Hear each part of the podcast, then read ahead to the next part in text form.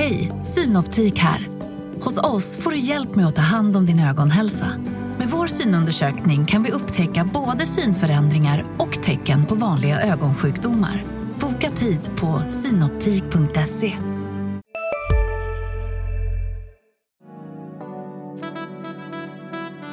Du lyssnar på en podd från Närkes Allehanda.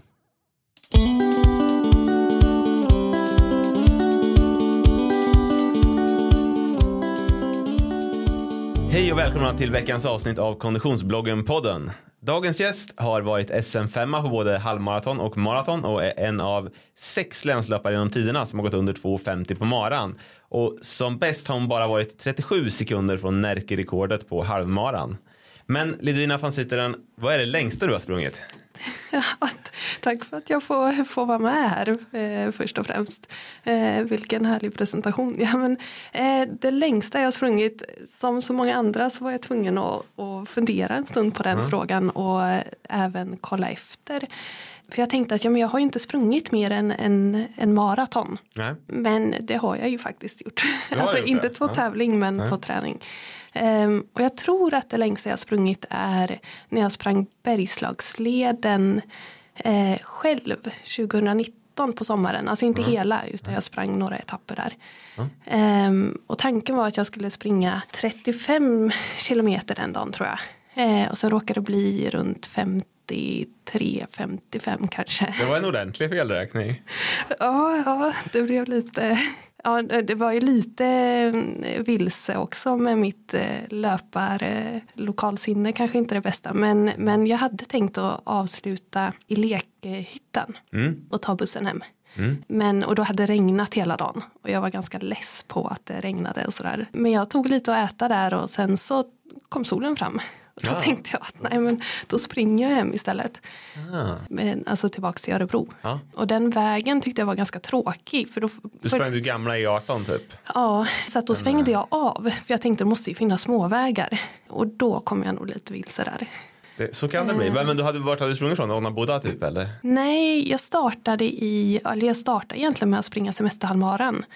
Ehm, och sen så dagen efter så eh, körde jag lite simträning i Onnabodasjön och sen startade jag precis norr om Onnab nej inte Onnabodasjön, eh, Norasjön. Ja. Sen startade jag precis norr om Norasjön, jag tror det heter Hammarby eller någonting. Precis. precis. Ja, och sen sprang jag ner då. Så det blir Hammarby, Digerberget, eh vad heter det sen, Mogetorp ja. och Blankult och Naboda och det blir ju jättelångt. Men är det, är det inte mer än 56? Eller? Jo, jo, men det är det. Så att jag tog ju övernattningar längs vägen. Ja, ja, ja jag tänkte ja, det. Ja, utan det var sista dagen som, det var sista dagen som, var? Okay. Ja, som okay. blev längst där. Men, men det kändes, jag var inte van att springa sån stor mängd och det var lite osmart att starta med en tävling för då är man ju lite småsliten och sen ska man fortsätta springa sen. Så att, ja, men jag lärde mig någonting. Det men var, det var mängdträningsblock där på några dagar. Ja, ja, men jag hade liksom möjlighet just bara de dagarna. Sen tyckte jag det var kul att vara ute på lite eget äventyr.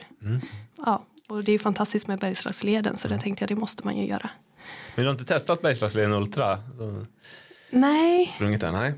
Um, För de har ju ändå 44 km klass. Det behöver inte vara så mycket längre än mm, maraton. Mm. Liksom. Men det har, det har inte fallit in. Nej, jag är lite sådär, eller i början så tyckte jag om att tävla på, när jag började springa tyckte jag om att tävla på, eh, eller springa trail och sådär. Mm.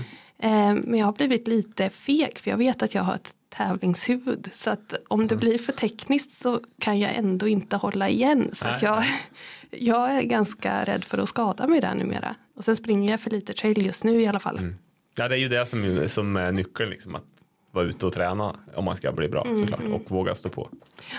Så är. Men det är ju fantastiskt annars tycker jag och, och särskilt springa fjällen älskar jag. Exakt. Du, vi ska återkomma till alla dina framgångar som jag börjar prata om här. Vi börjar med vart du står idag istället. Många av dina pers när man kollar på listan, de är från, ja du gjorde ju fina tider förra året också, men många av persen de är från, från 2020. Vad har hänt de två, tre senaste åren? För du hade ju en otrolig utveckling fram till dess. Ja, Eh, ja, det undrar jag också. Nej, men jag var i superbra form 2020 mm. och, och liksom allting det klaffade på något sätt och kroppen svarade och, och, det var jättehärligt att bara springa. Sen blev jag sjuk i corona i mm. eh, slutet av 2020 och då hade jag tävlat ganska mycket så jag var li, eh, lite sliten också innan dess. Mm. Men jag blev ganska ordentligt sjuk i, jag tror det var slutet av november och efter det så hände det någonting. Då fick jag väldigt ont i, i kroppen och det släppte inte. Eh, Det satte sig i muskler och senor och leder och kroppen reagerade jättekonstigt på allting och sådär. Och träningen det svarade inte alls. Har du, var du iväg till, till vården med det här eller har du liksom försökt ta hand om det själv? Um, ja, i början så, så väntade jag ju ute och tänkte att ja, men det här kommer ju gå över. Men sen när det inte gjorde det så kontaktade jag vården och då tyckte de att jag skulle vänta ännu lite till. För ja, just i det skedet, det var ju precis innan vaccinen kom. Eh, Så jag hade lite otur där. Och, och det var en annan typ av corona så man blev, många blev ju ganska sjuka. Och jag tänkte ju som många andra att ja, men, nej, men jag är ju tränad och jag borde inte bli så sjuk. Men, Precis. men där fick jag ju äta upp. Nej men de, de visste ju inte vad de skulle råda mig till egentligen. Så att, eh, så att det var bara att vänta. Sen skulle jag nog, eh, när man tänker så här i efterhand så skulle man nog varit på mer. Och sett om man kunde ha fått mer hjälp för det tog ju väldigt tid. Ehm, och det var ju kämpigt. Då inser man att, att eh, ja, men de som går runt med ständig smärta, gud vad, vad det tar liksom, på huvudet. För det var så ungefär. Samtidigt vet man ju inte vad vården kunde ha gjort. För jag, jag känner ju några stycken som har, som har dragits med långtidscovid och så här efteråt. Och, och, och det har ju liksom inte funnits mycket att göra. Det har ju varit mycket vänta ut. Och, Mm, absolut. Ja.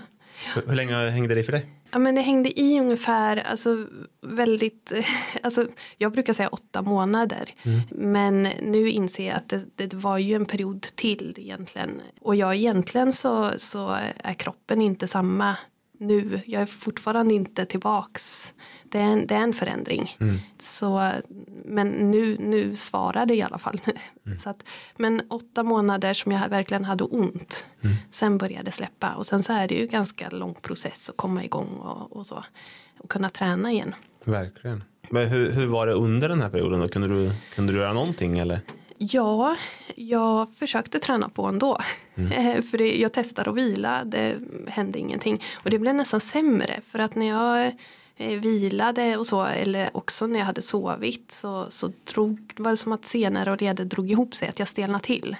Så det kändes som jag liksom blev tio år äldre där, eller 20 år eller kanske eh, över en vecka. Så, så att det var nästan bättre när man blev varm och rörde på sig. Så att det blev ändå, jag tror, jag kollade tillbaks nu och såg ändå att ja, jag fick till en del volym liksom. Och, och simning funkade hyfsat bra så att jag körde lite alternativt. Och, och sådär. Men, men det svarade inte. Alltså, det, det blev inga bra kvalitetspass. Och, eh, mycket upp och ner. Vissa dagar kunde det helt plötsligt funka bättre och sen så vissa dagar så var helt katastrof. Liksom, att, att man, man vet inte vart man har sig själv riktigt. Nej.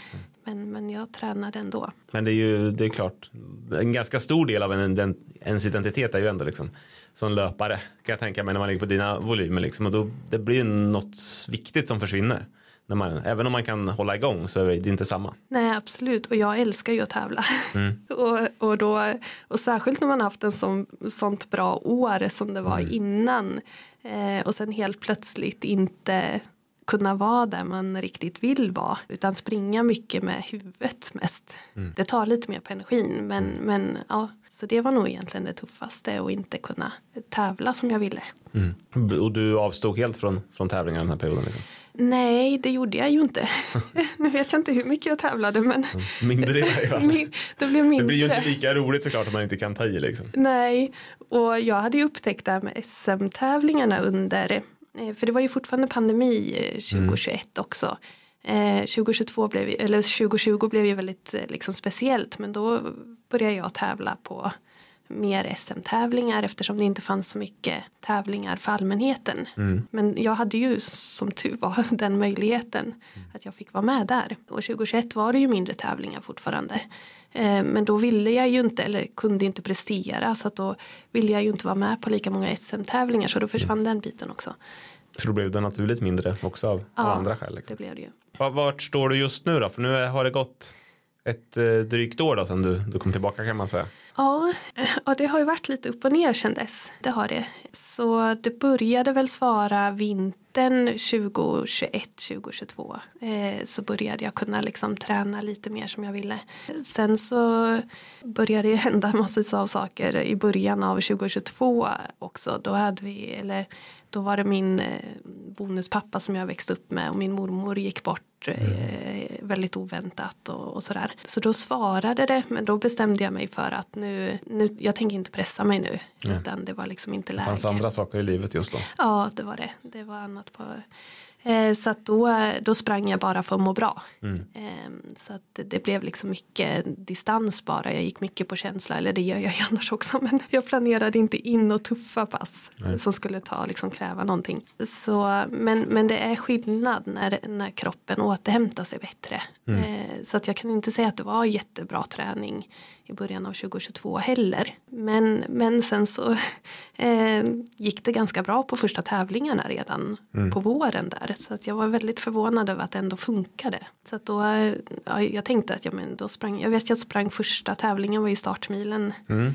förra året. Ehm, och då tänkte jag, men jag springer nog på 38 minuter kanske. det var liksom, jag Det, hade ju, det var den eh, mindsetet du hade när du kom in alltså? Ja det var det. Ja, jag hade ju noll koll på var jag stod eftersom jag inte hade kört några riktiga pass egentligen. Så när jag sprang på under, jag kommer inte ihåg vad jag sprang på men det var under 36 i alla fall så, eh, så var jag väldigt förvånad där. Och då kände jag att ja, men det har ju hänt någonting nu så då blir man ju glad. Mm. Och sen gick Göteborgsvarvet jättebra också. Och, Ja. ja, jag tänkte vi skulle prata om det. Göteborgsvarvet förra året, det, det måste väl vara en av dina allra bästa tävlingar? Näst bästa svenska på en 1720. ja, ja, det är jag jätte, jättenöjd med. Ja, det måste du. Jag kollade ju inte på klockan. Eh, under loppet. Och jag märkte ju att jag var lite trött på slutet så fick jag håll och sen tänkte jag nej nu kommer jag tappa och då vågade jag inte kolla på klockan för då tänkte jag tänk om den visar mitt mål var ju att slå min eh, föregående tid på Göteborgsvarvet som var en 20 någonting. Ja. Eh, och då tänkte jag nej, men om den visar långsammare än en 20 nu då, då kommer jag bara bli Då kommer bli knäckt. Ja, så att jag låter bli att titta liksom. Men jag visste ju att jag låg ganska bra till eh, av, av liksom, eh, tjejerna så. Jag visste att det bara var Hanna, Hanna Lindholm framför mig där. Mm. Men annars hade jag ju en bra känsla den dagen. Det hade jag. Mm. Ja, så det var ju det var helt fantastiskt. Men du går alltså ut och gör en halvmara på det sättet helt utan att kolla på klockan? Ja, jag kollar på klockan ibland men det är för att, att veta distans. Ja. Men då kollar jag väldigt slarvigt så att jag hinner liksom inte se. Med flit slarvigt för att Ja. se de andra siffrorna? Ja, Ja, det känner jag igen. Men, men alltså jag tänker, jag vet inte, jag, jag tycker att det är bra att hålla koll på puls till exempel. Så man inte, ja, nej, jag springer ju inte med pulsband. nej det gör inte det. Nej. Nej, och handledspulsen är ju inte... Ja, den är ju värdelös. Ja, ja, så det är ingen idé. Mm. Men eh, ja, så du sätter liksom inte upp den här utgångsfarten ska jag ha och så här, utan du går verkligen på känsla. Ja, oftast. Ja. Sen så vet jag väl egentligen kanske att den här utgångsfarten kanske jag ska ha. Ja. Så det kan hända att jag i början slänger ett öga på klockan och sen jämför jag med min känsla. Eh, Men jag vet ungefär vilken känsla jag ska ha. Sen kan det ju slå, slå fel för mig också att jag går ut lite för hårt för att man dras med och, och sådär och inte riktigt känner i början. Man känner sig väldigt pigg. Men annars Det är alltid lätt att starta. Ja, För fort, för fort, ja. Och sen så om man då har en dålig dag så kanske det inte håller. Och då med facit i hand skulle man gått ut lugnare. Men har jag en bra dag så vet jag att jag menar, har jag den här känslan i starten då Mm. kommer det hålla. Så att det har jag ju liksom lärt mig. När du tittar tillbaks på det där loppet i efterhand då, för jag antar att du har eh, kikat på kilometertiderna Mm. efter. Hur var, hur var upplägget? Skötte du dig bra på känslan? Ja, både och. Eh, nej men det gick, sista fem gick nog lite långsammare, det gjorde det. Och det är lite segt uppför Ja. på slutet i Göteborgsvarvet, det är det. Så att, eh, men jag tycker ändå att jag, med tanke på att jag ändå tröttnade, eller liksom just fick koll och sådär, att jag ändå tänker att jag höll ihop det ganska så bra. Och sen tror jag det var lite, jag hamnade i en klunga på hissingen som var väldigt bra. Och där, det hjälpte mig att hålla uppe farten och då hade jag också fortfarande, jag sprang ju med en annan tjej där. Ehm, och då hade jag ju det liksom eh, att kämpa för. Men hon släppte ju liksom på ja, men andra bron innan man kommer över mot Avenyn. Och då var jag ju helt själv där och den där klungan löstes upp. Så att där sprang jag ja, men, ja, jag sprang helt själv liksom sista fem. Mm. Och då är det lätt att börja tappa lite där. Så att egentligen, alltså ansträngningsmässigt så är jag jättenöjd. Mm. För jag höll ihop det, jag låg på ungefär samma ansträngning hela. Mm. Så att, ja, jag går mycket på ansträngning. Och, Ja, ja jag hör det. Men, men eh, alltså en 17-20, jag kollar lite, jag tror att det är det bästa en Närkelöpare har gjort i Sverige. Är, både Mikaela Kempe och, och Josefin Gerdevåg har ju sprungit snabbare utomlands. Men det, det är en väldigt bra tid alltså. Vad trodde du att du hade det i dig? För du sa att du, var, du försökte gå under 1,20 typ. Ja, ja, och jag vet ju att den är lite, den är ju platt på Hisingen men Ja. annars är det ju lite backar. Och Ja, den det är ju inte den snällaste halvmaran. Nej, nej den är ju inte det. Men jag hade, en, jag hade ju en bra dag och sen så hade jag tur med vädret. Mm. Jag tål inte den här första värmen som kommer på våren. Jag är Nej. jättekänslig för det. Och det var ju regnigt. Det var ju nästan kallt i starten. Mm. Och det passar ju mig jättebra. Men, men ja, nej, men kul att höra. Det visste jag inte alls att det var en så bra tid. Nej men, nej, men det visste jag inte heller att det skulle bli. Nej, jag var väldigt lycklig efteråt. Mm. Ja, det Ja. förstår jag verkligen. Hemmaborgen är podden där jag, Fredrik Karlsson, Och jag, Elena Lövholm. gör vårt bästa för att hålla koll på läget runt ÖSK. Ibland går det bra. Känslan är att det är positivt och det är mycket på grund av Christian Järdlers eh, ledarskap. Och ibland lite sådär. Ska jag stänga av ljudet på min telefon? Ja, Ska jag det? det kan du göra. Ja, ja, men det gör jag när nu. Så, Så, så nu, av, nu är ljudet av. nu är Fredrik redo Ja. att podda. Hemmaborgen finns på Spotify. Prenumerera och lyssna på ett nytt avsnitt varje tisdag. Och sen gjorde du ett bra Stockholm Marathon också. Du var inte så långt från, från perset där heller. Nej, det skulle jag säga att det var urdåligt. Ja, det var ju dåligt. Alltså känslomässigt. Ja. Ja, jag går ju på känslan där Ja. också. Ja.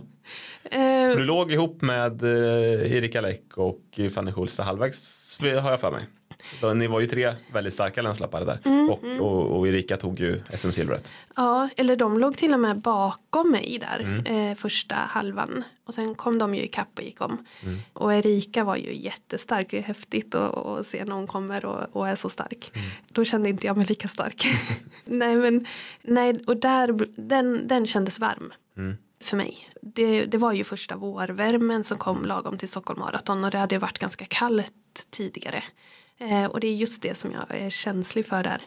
Eh, jag behöver liksom vä- vänja mig. Eh, och sen tror jag också grunden från vintern. Att jag hade egentligen ingen, just för maran så blir det så utslagsgivande. Alltså man måste lägga den här ordentliga grunden. Och jag tog ut mig ganska bra på Göteborgsvarvet och det var ju bara två veckor innan.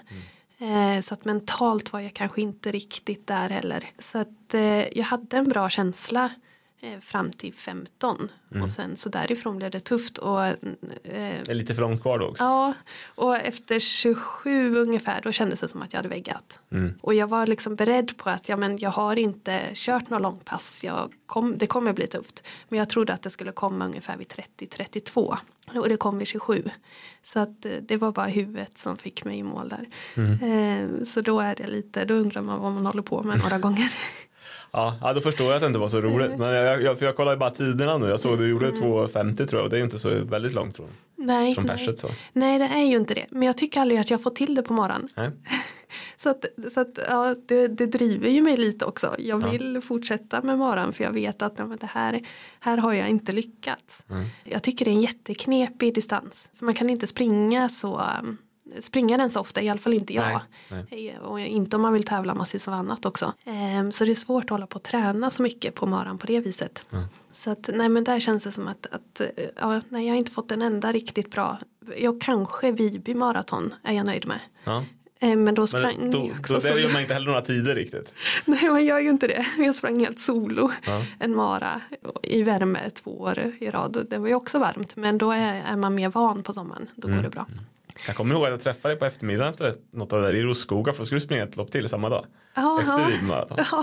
Ja. Det var ju första gången jag sprang under tre timmar vet jag. Ja. På, på Viby. Då passade du på att åka till, till Rosskoga och springa jordgubbslunken på eftermiddagen. Ja, ja. ja. Nej, men jag skulle ju ändå dit liksom. Och, och jag var väl lite hög efter maran också tror jag. Och, och just det där att, att ja, men första gången man slår de här målen liksom. Då var jag ju under tre timmar och, och så. Ehm, så att då, och jag tyckte att ja, men, sätter jag mig ner, ner nu så kommer jag bli jättestel. Ja. Eh, om jag bara springer den här tävlingen innan.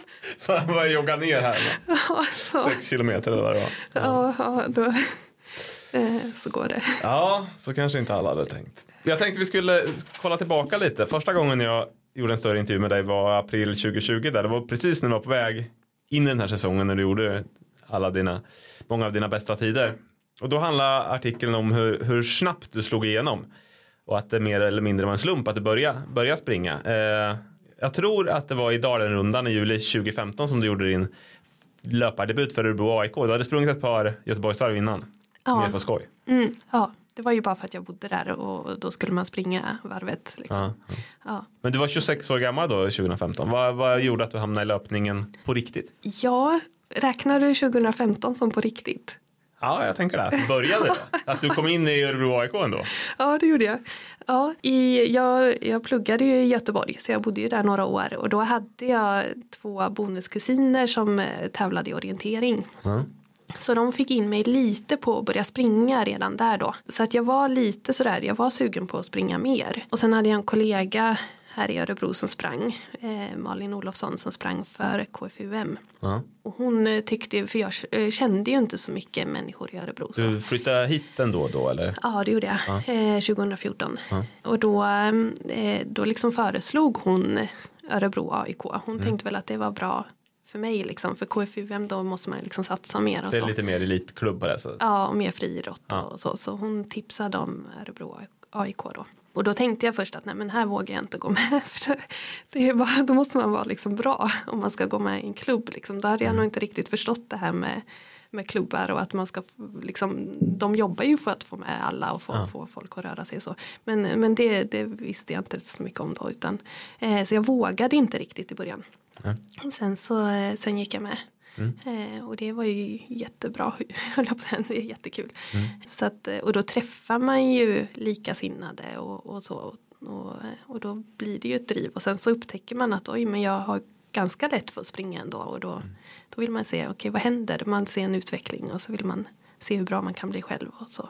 Sen så är rullningen igång där. Så var fast. Exakt så. Nej, man vet inte vad som hade hänt om du inte hade kommit med i klubben. Det var ju ett jätteviktigt steg naturligtvis. Vilka, vilka var liksom personerna som, som, som du träffade där som blev viktiga för dig? Ja men det var ju nog eh, eh, Roger Ellimer träffade jag ganska tidigt för han tävlade, i, eller, eh, tävlade i den här långloppskuppen, Närkes eh, långloppscup där. Och det var han som övertalade mig att springa Dalenrundan, min första tävling för kuppen. Och det hade jag liksom aldrig vågat, jag hade nog inte vågat ta initiativet själv. Och, och det är en sak med ett Göteborgsvarv där man kan gömma sig bland tusentals andra människor. Eh, Men ett litet lokalt lopp liksom. Och, och den här rädslan som finns att komma liksom sist och vara helt själv och bli borttappad.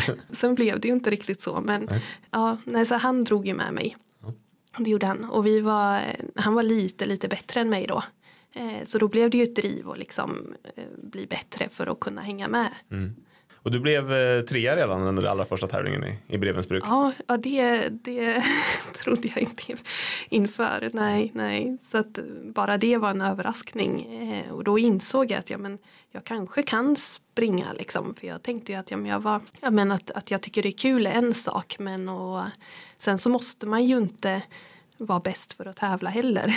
Eh, Så är det ju. Men, men det var en överraskning. Och det, det gjorde ju att det blev extra kul att fortsätta. Och sen har du ju blivit eh, någon sorts ambassadör för långloppsklubban nästan. Du springer ju, när du har, har hållit på som mest har du sprungit otroligt mycket lopp i den kuppen och du har vunnit den flera gånger Ja. totalt.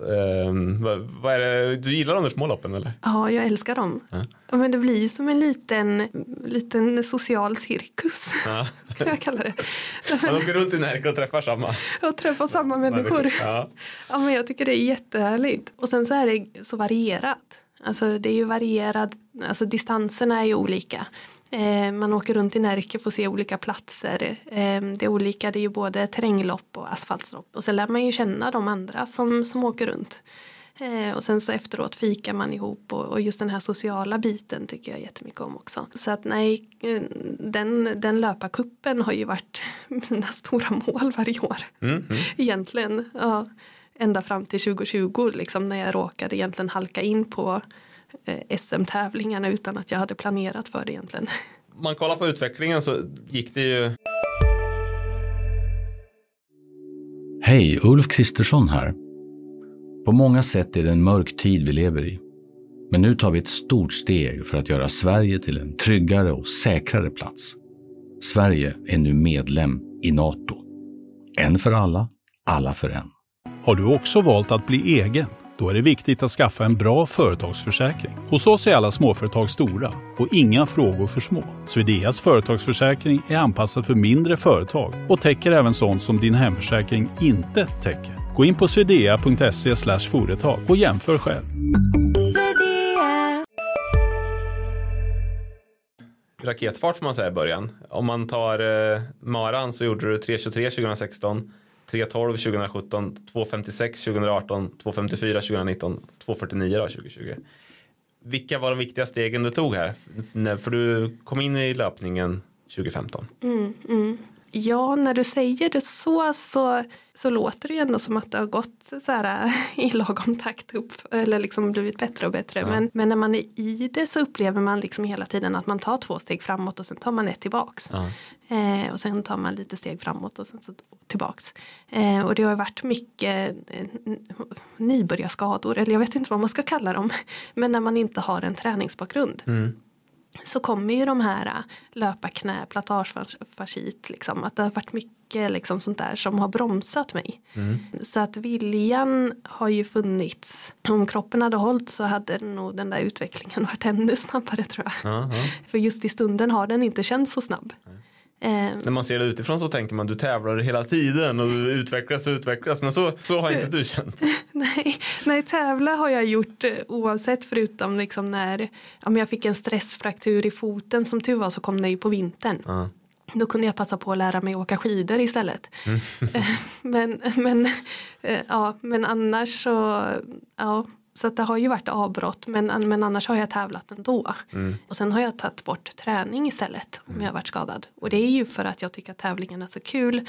Och jag springer ju för att jag tycker det är kul. Precis. Och då har jag behållit dem. Du är inte rädd för att det kommer någon annan och slår dig eller att du inte liksom kommer göra din bästa miltid den här, det här loppet utan du, det är kul att vara med. Ja, nej, nej, så har jag inte tänkt. Nej. Och där också när man tävlar så där mycket så kan man ju inte, det är inte så att man formtoppar för varje tävling utan man bara kör. Så att jag tror att, att jag hade nog fått andra tider på, eh, på vissa tävlingar om man verkligen hade satsat på dem eller formtoppat eller så att hade man jagat tider så hade det nog kunnat eh, se annorlunda ut. Men det har jag inte, det har inte varit fokus. Nej. Nej, det märker man lite på vilka tävlingar du har gjort också för du har ju inte varit och sprungit de här snabbaste marerna internationellt och så här utan du istället har du gjort eh, några sjön runt och, och Viby maraton och så här som inte, inte är de snabbaste. Nej, och det är därför jag tror att det kommer, ja, att det finns mycket att ta av där också. Ja. Så att jag är liksom, ja, jag har bara sprungit egentligen kuperade eller ja, maror där. Men så 2020 då som du var inne på, du, du halkade in på SM där. Det Ja. var ju coronaåret när det var lite speciellt till exempel maraton-SM som alltid går med Stockholm Marathon det gick istället på en varvbana på Djurgården va? Om jag minns rätt. Ja, och den var ju också kuperad. Ja. Och jag sprang själv och det haglade och regnade och var sol och svängigt och allting. Så det var ju inte heller det bästa, eh, mest optimala loppet så för mig. Nej. Ehm, Men det gick ändå bra. Ja. Resultat placeringsmässigt. ja, ja, absolut. Ja, ja. För då var då du tog din femte plats. Mm, det var det. Sen så blåste, alltså jag gick ut lite för hårt på grund av att det blåste mycket. Mm. Kan man säga. Att jag tog liksom rygg lite för att eh, lite snabbare tempo än jag tänkt. Ja. Sli- Eh. slippa ta all vind själv. Ja, ja, och sen så var det ett gäng som då eh, inte som höll igen Mm. och det tyckte jag gick för långsamt. Eh, så det, och sen så har jag lite problem med mina fötter och det fick jag ju liksom känna av i slutet i kombination med att, med att jag tog lite slut där. Mm. Så det var också en utmaning men det var liksom en upplevelse. Men jag upptäckte ju att jag tycker att SM-tävlingarna också är jätteroliga. Eh, så där, men där vill man, där, skillnaden där det är att man vill ändå vara i lite, lite mer form. Eh, man vill inte vara för liksom, det är inte som de här eh, lokala tävlingarna där det inte spelar så stor roll. Nej. Så att, eh, så att då, det är ju blivit ett driv att liksom hålla nivån för att kunna vara med. Och, och din andra framskjutna SM-placering kom ju samma sommar då på Anderstorp sprang då, läserbanan, eh, SM i halvmaraton, också femma. Mm, mm. Och det, Det var en varm dag va, om jag minns rätt.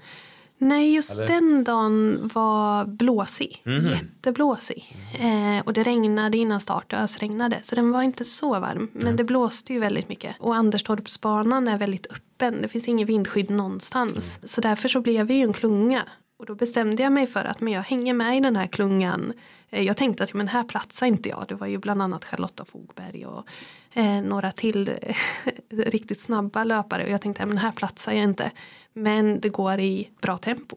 Eh, som, som jag klarar av att hålla. Och ju, det går inte över min känsla liksom. Eh, så jag tänkte men hänger vi med den här klungan så länge jag orkar. Och, och det orkade jag ju tills sista varvet. Och då blev det ju en dramatisk tempoökning. Och den hade jag ju inte riktigt eh, i mig att jag kunde öka på samma sätt. Eh, då slutade jag femma. Men det var ju också en överraskning för mig själv där att, att jag klarade att hänga med i den klungan. Det blir ju väldigt speciellt med SM för det blir så mycket taktik. Mm. Eh, så det blir en helt annan typ av lopp och sen var det ju bara kvinnor då och eh, inte så många deltagare ändå och eh, ingen publik och det, det är en väldigt speciell situation. Ja. ja, publik hade man ju gärna haft såklart. Men det var det, var det året också. Ja det var det. Eh, men, men du har två femteplatser då på SM och som vi var inne på, du var före Läck på halvvägs på Stockholm Marathon där. Kittlade lite att få en medalj eller?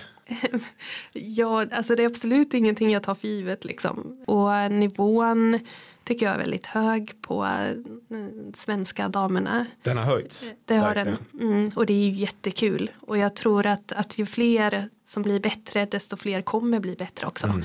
Det höjer liksom, det är bra för alla. Så det, det tycker jag är jättekul. Och då blir det också, ja men får man en bra placering så, så är den mer värd. Mm. Så jag räknar absolut inte med att jag ska kunna ta någon SM-medalj. Men utan jag får göra mitt bästa. Men sen så är det ju extra kul när man får en bra placering. Det är det ju. Och löpning är ju en sån sport. Även om det blir lite taktik på SM så kan man kan inte göra mer än sitt bästa. Nej, Det, är nej. liksom inte, Ja, det går inte att gå in och tackla de andra. nej, nej, absolut. Nedsläpp Örebro är podden för dig som inte får nog av hockey.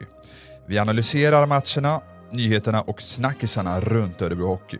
Du kommer ju med ett riktigt Ja, ett eh, scoop. här. Ja, det är stark start det här nu. Dessutom rotar vi i arkiven och tar reda på vad som hände med gamla profiler som passerat genom klubbens historia. Jag ser ju här när jag går in på Elite Prospects att han lämnade ju efter halva Ja. säsongen där också. Så att, eh, Vi finns på Spotify. Lyssna och prenumerera på Nedsläpp Örebro.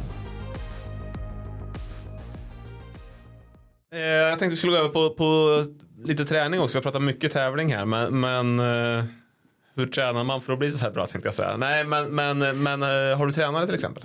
I början, eller sköter du allt själv? Nej, jag sköter det själv. Ja. Har du alltid gjort det? Ja, ja det har jag. Ja. Sen ibland så har jag ju kanske bollat lite med, med någon. Det finns ju några bra här i Örebro Mm. eh, att bolla med. Eh, Jag vet när jag hade post-covid så bollade jag lite med Erik Arnfelt. Eh, mest om alternativträning och liksom om hur man kunde tänka där. Eh, Han är väldigt duktig på, på det alternativa eftersom han har tvingats till det en hel del själv. Ja, verkligen. Han är jätteduktig. Men ingen tränare och ingen som har liksom lagt upp någonting eh, åt mig. Och jag tror det är lite rädsla för att bli för, för styrd. Ja, Just det här att jag tycker om att gå på känsla. Och jag ändrar om väldigt mycket. Jag har liksom en grundplan. Ja, men den här veckan så vill jag springa så här mycket. Jag vill få in de här passen. Men känns det dåligt den dagen. Ja men då byter jag ju hejvilt liksom. Eh, eller det är någon som frågar om sällskap. Ja men då går ju det före. Det sociala. Alltså behålla glädjen liksom går först för mig. Sen så nu har jag ju. Jag höll på att säga att jag har lärt känna Björn Engqvist. Men det var ju. Det var ju några år sedan. Men han är ju mycket mer struktur, strukturerad än mig. Och, och där på något vis så, så insåg jag, vi har ju tränat en del ihop där i, i början av 2020 när, när vi båda egentligen fick en form, formhöjning. Ehm, och där fick jag ganska mycket hjälp på det viset av honom. Liksom att, för att han hade ju en plan att jag ska hålla den här farten. Och där fick jag ändå lära mig mer. Okej, men om vi håller den här farten och då vet vi exakt att det är den farten för den håller han. Då känns det så här. Att det blev ännu tydligare för mig att de här farterna. Om jag är i bra form då känns de så här och annars gör de inte det. Och, och så lite ungefär hur. Lite mer siffror kanske. Du kunde ta rygg på hans kvalitetspass lite grann också då? Ja, vi la ju upp dem tillsammans.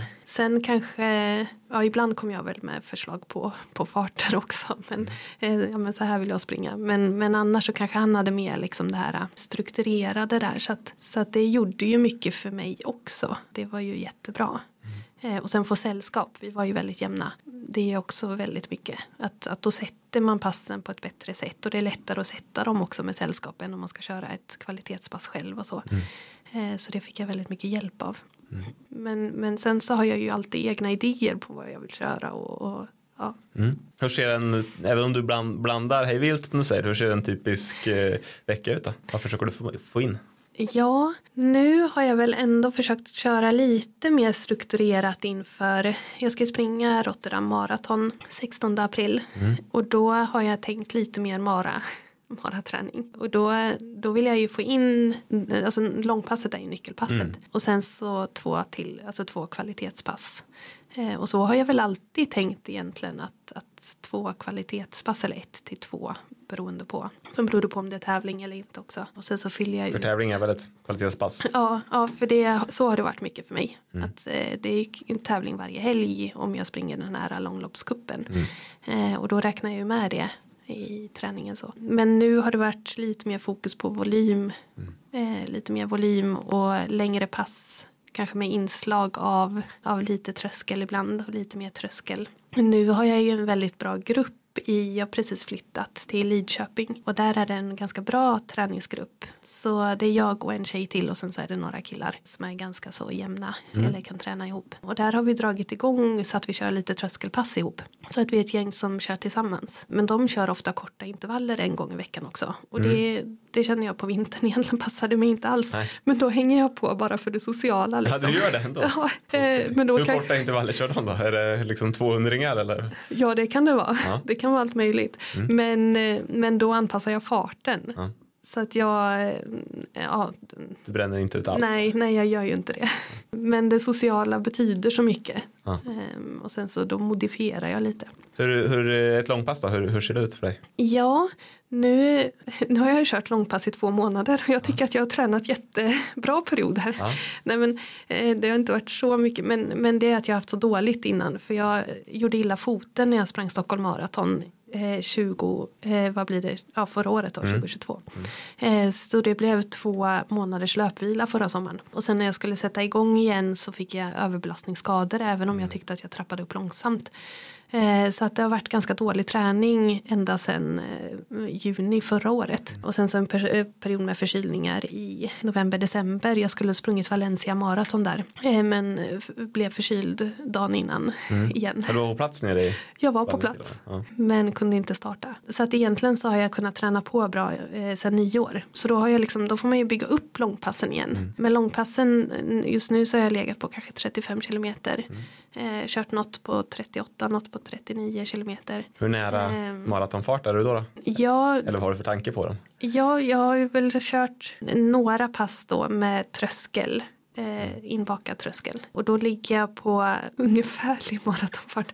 Det är jag och tider igen. Jag går ju på känsla. Ja. Eh, Ungefärlig maratonkänsla. Ungefär ma- maratonkänsla.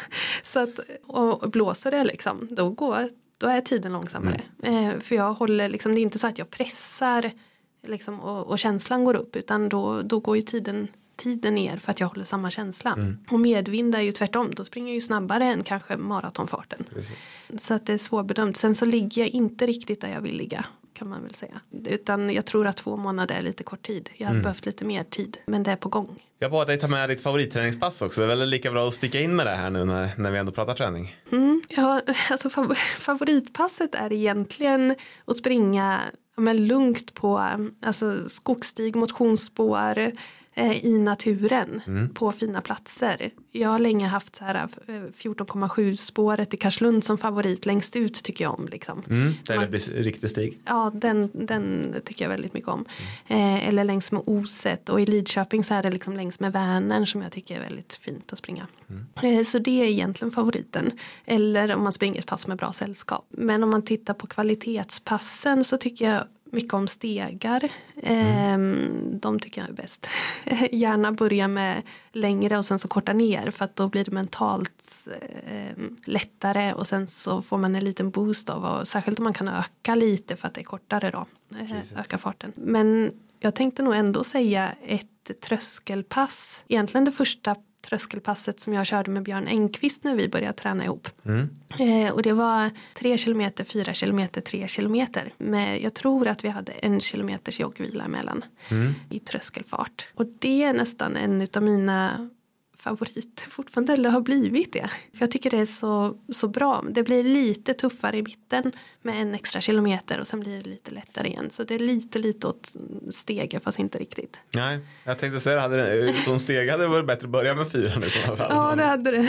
Men, så, Eh. men, men eh, hur kör man tröskel om man inte kollar puls? Ja, men man går på känsla. Ja. Du har en tröskelkänsla också. Jag har en tröskelkänsla. Ja, men jag vet att den här känslan, om jag har den här så kan jag liksom fortsätta. Och det ska vara ansträngt, liksom, men jag ska inte gå över den känslan. Och då kommer det vara så att min tröskelfart är olika beroende på dagsform, beroende på... Men sen så hade det ju för sig varit spännande att jämföra det med pulsen och se om det korrelerar. Mm. Egentligen skulle man väl kunna säga att jag går på en typ av borgskala. Mm. Utan att jag tänker på det. Jag tänker inte i siffror. Nej. Men, men på ett ungefär. Det är nog det jag gör. Eh, sen så nu så. eh, Som sagt jag har ju lärt mig lite av Björn i alla fall. Jag försöker kolla lite mer på klockan. Särskilt om jag springer själv. Och då har jag en tanke. Då sätter jag ett spann för mig själv. Jag vill ligga mellan den här tiden och den tiden. Sen försöker jag vara snäll mot mig själv. Är det en tuff dag så tillåter jag mig att springa. Jag tänker att det här blir bra ändå. Det är det jag har för dagen. Eh, så att jag inte blir, för då tycker jag inte att det är kul att springa om jag blir sur på mig själv för att jag, eller för hård eller tänker att det här passet satte jag inte. Exakt. För Då går man och tänker på det resten av dagen. Ja, för hade jag bestämt för mig för att ja, men jag ska springa på 3 3.55 här och, och sen så springer jag på eh, fyra, alltså fyra minuters fart då, då, eh, ja, men då, då kanske jag hade varit jättebesviken liksom. Eh, men sätter jag då ett spann som täcker in båda de där så är jag nöjd med passet i alla fall. Hur ofta, hur ofta kör du det? Det är ett par gånger i veckan som du sa. Som det blir Mm. kvalitetspass. Ja, nu har det ju varit eh, ja, tröskel, alltså i alla fall två kvalitetspass i veckan. Em, så en tröskel och en typ av intervallpass. Eh, pass. och sen så har jag lagt in tröskel i långpassen fast inte varje vecka. Utan på två månader kanske det blev tre, tre gånger ungefär. Ehm, och det är också för att jag, eftersom jag har haft en så dålig period så har jag fått trappa upp lite långsamt så jag vågar inte gå för hårt. Så du åker på de här överbelastningarna igen. Ja, ja, ja men jag har är ju, det är inte helt bra i, jag, min svaga länk är i fötterna. Mm. Och det är inte helt, helt hundra. Och sen var jag förkyld för två veckor sedan. Och, och när jag började jogga igen så, så hade jag en känning i baksidan. Och den kom ju av vilan konstigt nog. eh, men då vågar jag inte igen liksom. Eh, så att jag vill inte, jag vill inte, jag vill kunna springa. Vad är det med de där fötterna då? Vad är, vad är problemet liksom? De är väldigt instabila och väldigt svaga. Och jag vet inte om det har blivit värre eller inte. Men, men jag måste hela tiden träna fötterna för att jag överhuvudtaget ska kunna springa. Du Eh, får göra sådana här tråkiga rehabövningar alltså. Ja. Och stärka de små musklerna. absolut, det är de jag får göra. Och jag har ju haft stressfraktur i fötterna och så också. Men det, det är någonting. Och jag tål ju inte riktigt de här nya skorna. Eh, eller det går bra fram till, ja men halvmaran börjar jag få ont. Mhm. Om man springer i eh, Karbon. Karbonskorna. Ja, de är fint stabila för mina fötter. Och jag har ju sprungit i, ja men jag sprang ju, perset jag hade innan eh, eh, SM-maran där så var, ju no, var det Nora maraton. Mm. Och jag vet att den, då sprang jag liksom, Sveriges tuffaste maraton typ. men då sprang jag i, tror jag så här GT 2000 Asics. Mm. Eh, som många liksom springer i så här på, ja, ja, Mängd- men- mängdträningssko. mängdträningssko. Mm. Och den funkade ju bra för min fot men den kan jag ju liksom inte riktigt konkurrera med. man ska. Nej, nej. Eh, Jag får ingen hjälp av den om man säger så. Nej. Nej, men man måste nästan ha karbonskon idag om man ska vara på den nivån liksom och konkurrera på ett SM. Mm, mm. Så, så det. Springer du ändå i det? Trots Eh. fötterna nu just på Ja, ja, jag gör det. Och det är därför jag tror det var därför jag fick eh, mm, ett stort problem här förra året. Så, men nu kommer det kommer ju mer och fler och fler. I början fanns det bara något märke. Mm. Nu kommer ju alla skomärken med, en. Så att nu blir det lättare att hitta något som passar. Eh, så jag tror det blir, det blir bättre och bättre för mig med. Du var inne på det, det blir Rotterdam ganska snart. Vad, Mm. vad var det som gjorde att du valde, valde den maran som vårens stora mål? Här? Ja, det var lite, jag var ganska besviken efter Valencia maraton när det inte Att du inte någon fick springa. Ja, och man var så sugen. Jag var på plats och jag var hejade på mina kompisar och det var jättekul att heja. Och Erika Läck sprang ju fantastiskt och många andra sprang fantastiskt där. Och satte Närke, Närke-rekord då. Ja, det gjorde hon. Ja, det var jättekul att se. Så att eh, då kände jag att nej, men nu måste jag anmäla mig. Tankarna fanns redan innan. Jag var sugen på en, en mara utomlands och jag tänkte egentligen både Valencia och en till till våren. Eh, men då, då var det verkligen, då bestämde jag mig när jag var där att ja, men jag måste anmäla mig så att jag inte tappar motivationen här. Och då valde jag den för att den ligger ganska bra i tiden. Man hinner med kanske något millopp innan då. Och sen så ehm, kan man fortsätta tävla efteråt om återhämtningen funkar. Om kroppen hänger med. Eh, då kommer ju till exempel Stockholm Marathon. Eh, det är ju SM på maraton. Eh, sen kommer ju även eh, SM på halvmaraton. Ligger ju i sommar på Anderstorp igen. Mm. Och är jag hel eh, och kroppen håller och, och svarar så, så är jag ju jättegärna med på de här tävlingarna. Eh, så då tänkte jag att då ligger det bra, bra där. Mm. Och sen så tänkte jag att kul att testa en platt, plattare. Precis, det, bara det borde ju ge någonting tycker man ju. Men sen ska Ja. man ju ha dagen också naturligtvis. Man ska, ja, och Mara kan mycket hända. Det är väldigt mycket både innan och under. Eh, så, att, eh, så att jag tar ingenting för givet. Utan, eh, och, och jag vet inte vad som kommer hända utan jag hoppas att jag kommer till start. Det, det är A, A och O. Ja. Har du, får man spekulera i tider eller? Ja, jag vet inte om det är någon idé men den kan ju försöka. Eh, Nej men det ska finnas ett, ett antal minuter i varje fall att ta på perset om, Mm. det, om du skulle om, om, om den här träningsbakgrunden du har är tillräcklig. Ja, som sagt eh, två månader eller lite mer än två månader och sen så lite krångel nu på slutet med känningar och, och förkylningar kan dra ner det lite. Eh, Jag skulle behövt lite mer tid men har jag en bra dag så, så borde jag ju ta mitt pers. Mm. Det tycker jag. Ehm, absolut. Sen så maran är maran så att man vet aldrig. Och där har jag ju också lite snälla mål för mig själv. Så, så jag tänker, jag vågar inte tänka för stort. Nej. Utan jag får eh, starta och sen får jag se vad jag vågar lägga mig på. Och, men det, är klart det finns lite tankar om att kanske gå ut lite. Ja, se om det håller liksom. Mm. Men, men samtidigt då kan man ju få de värsta smällarna också. Så är det, då kan det, det, Eh. då kan det bli de långsammaste tiderna i mål. Alltså. Ja, det kan ju vara så. Så att det är en chansning lite. Och jag, men jag kommer gå på känsla igen. Jag kommer prova lite och se vilken dag jag har och, och vad som händer. Vad tiden blir det, det ser du när du kommer i mål. Det ser jag när jag kommer i mål. Ja. Se om jag vågar titta på klockan. Exakt så. Du flyttar till Lidköping förresten berättar du. Mm. Eh, vad, vad betyder det för, för långloppscupen i Närke? Ja, men det betyder att jag kommer dyka upp som gubben i lådan ibland. Ja. Eh, Men det är långt att åka till varje helg i varje fall. Det är ju det. Det kommer inte kunna bli varje helg. Och det finns en del tävlingar där Mm. också. Jag har Eh, sett att du har sprungit någon, någon vinterserie i vinter med ett antal landsvägslopp. det har jag. Ja, ja, och det är mest för att hålla igång och också jättekul socialt och, och vi är ett gäng som kör. Så att det är ju eh, Lidköpings vintersportklubb, LVSK, eh, som jag tränar lite med där. Eh, och det är också ett jättebra gäng. Så det har inte blivit någon övergång än. Du är Örebro aik än så länge. Än så länge. Ja, ja, jag har jättesvårt att byta. Det, det, det är någonting, ja, första klubben och, och nej det är svårt, att svårt att byta så. Eh, sen är jag ju medlem där, men jag ju, tävlar ju för Örebro AIK. Sen är det ju lite, jag tycker ju det är kul att åka hit eller till Örebro. Och då har jag ännu en till anledning att eh, åka hit och springa. Eh, så att än så länge släpper jag det inte riktigt. Nej. Men och det finns lite lopp på sommaren också där, där nere som du var inne på. Ja, det finns det. Ja, men får jag chansen åker jag till Örebro också. Ja. Det gör jag. Jag brukar alltid avsluta podden med att fråga vad du ska träna idag. Nu är det eftermiddag här så jag vet inte om du kanske redan har hunnit göra det eller hur du ligger till inför tävlingar och så vidare. Men vad, vad, har, du för, vad har du för plan? Nej, men planen är nog ändå att, um, att vila idag. Ja, en vilodag måste man också få ta sig. En vilodag, ja. Eh, och det är lite på grund av min känning efter um, förkylningen i, i baksidan. Så att jag tar det lite extra försiktigt så att, så att jag kan, verkligen kan starta i Rotterdam här. Precis. Jag tänker då får, då får eh, volymen eh, lida lite här på slutet men det gör nog inte så mycket. Eh, Så hoppas jag att jag håller istället. Då önskar vi stort lycka till i Rotterdam, Lidvina van Zitteren, och tack för att du kom till podden. Mm, ett stort tack att jag fick vara med. Och podden, den är tillbaka nästa vecka som vanligt.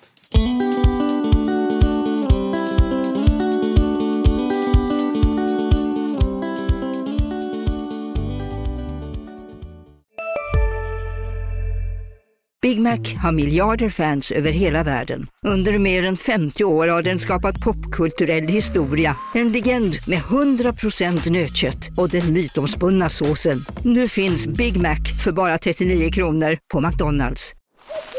Okej hörni, gänget. Vad är vårt motto? Allt är inte som du tror. Nej, allt är inte alltid som du tror. Nu täcker vårt nät 99,3 procent av Sveriges befolkning baserat på röstteckning och folkbokföringsadress. Ta reda på mer på 3.se eller i din 3-butik.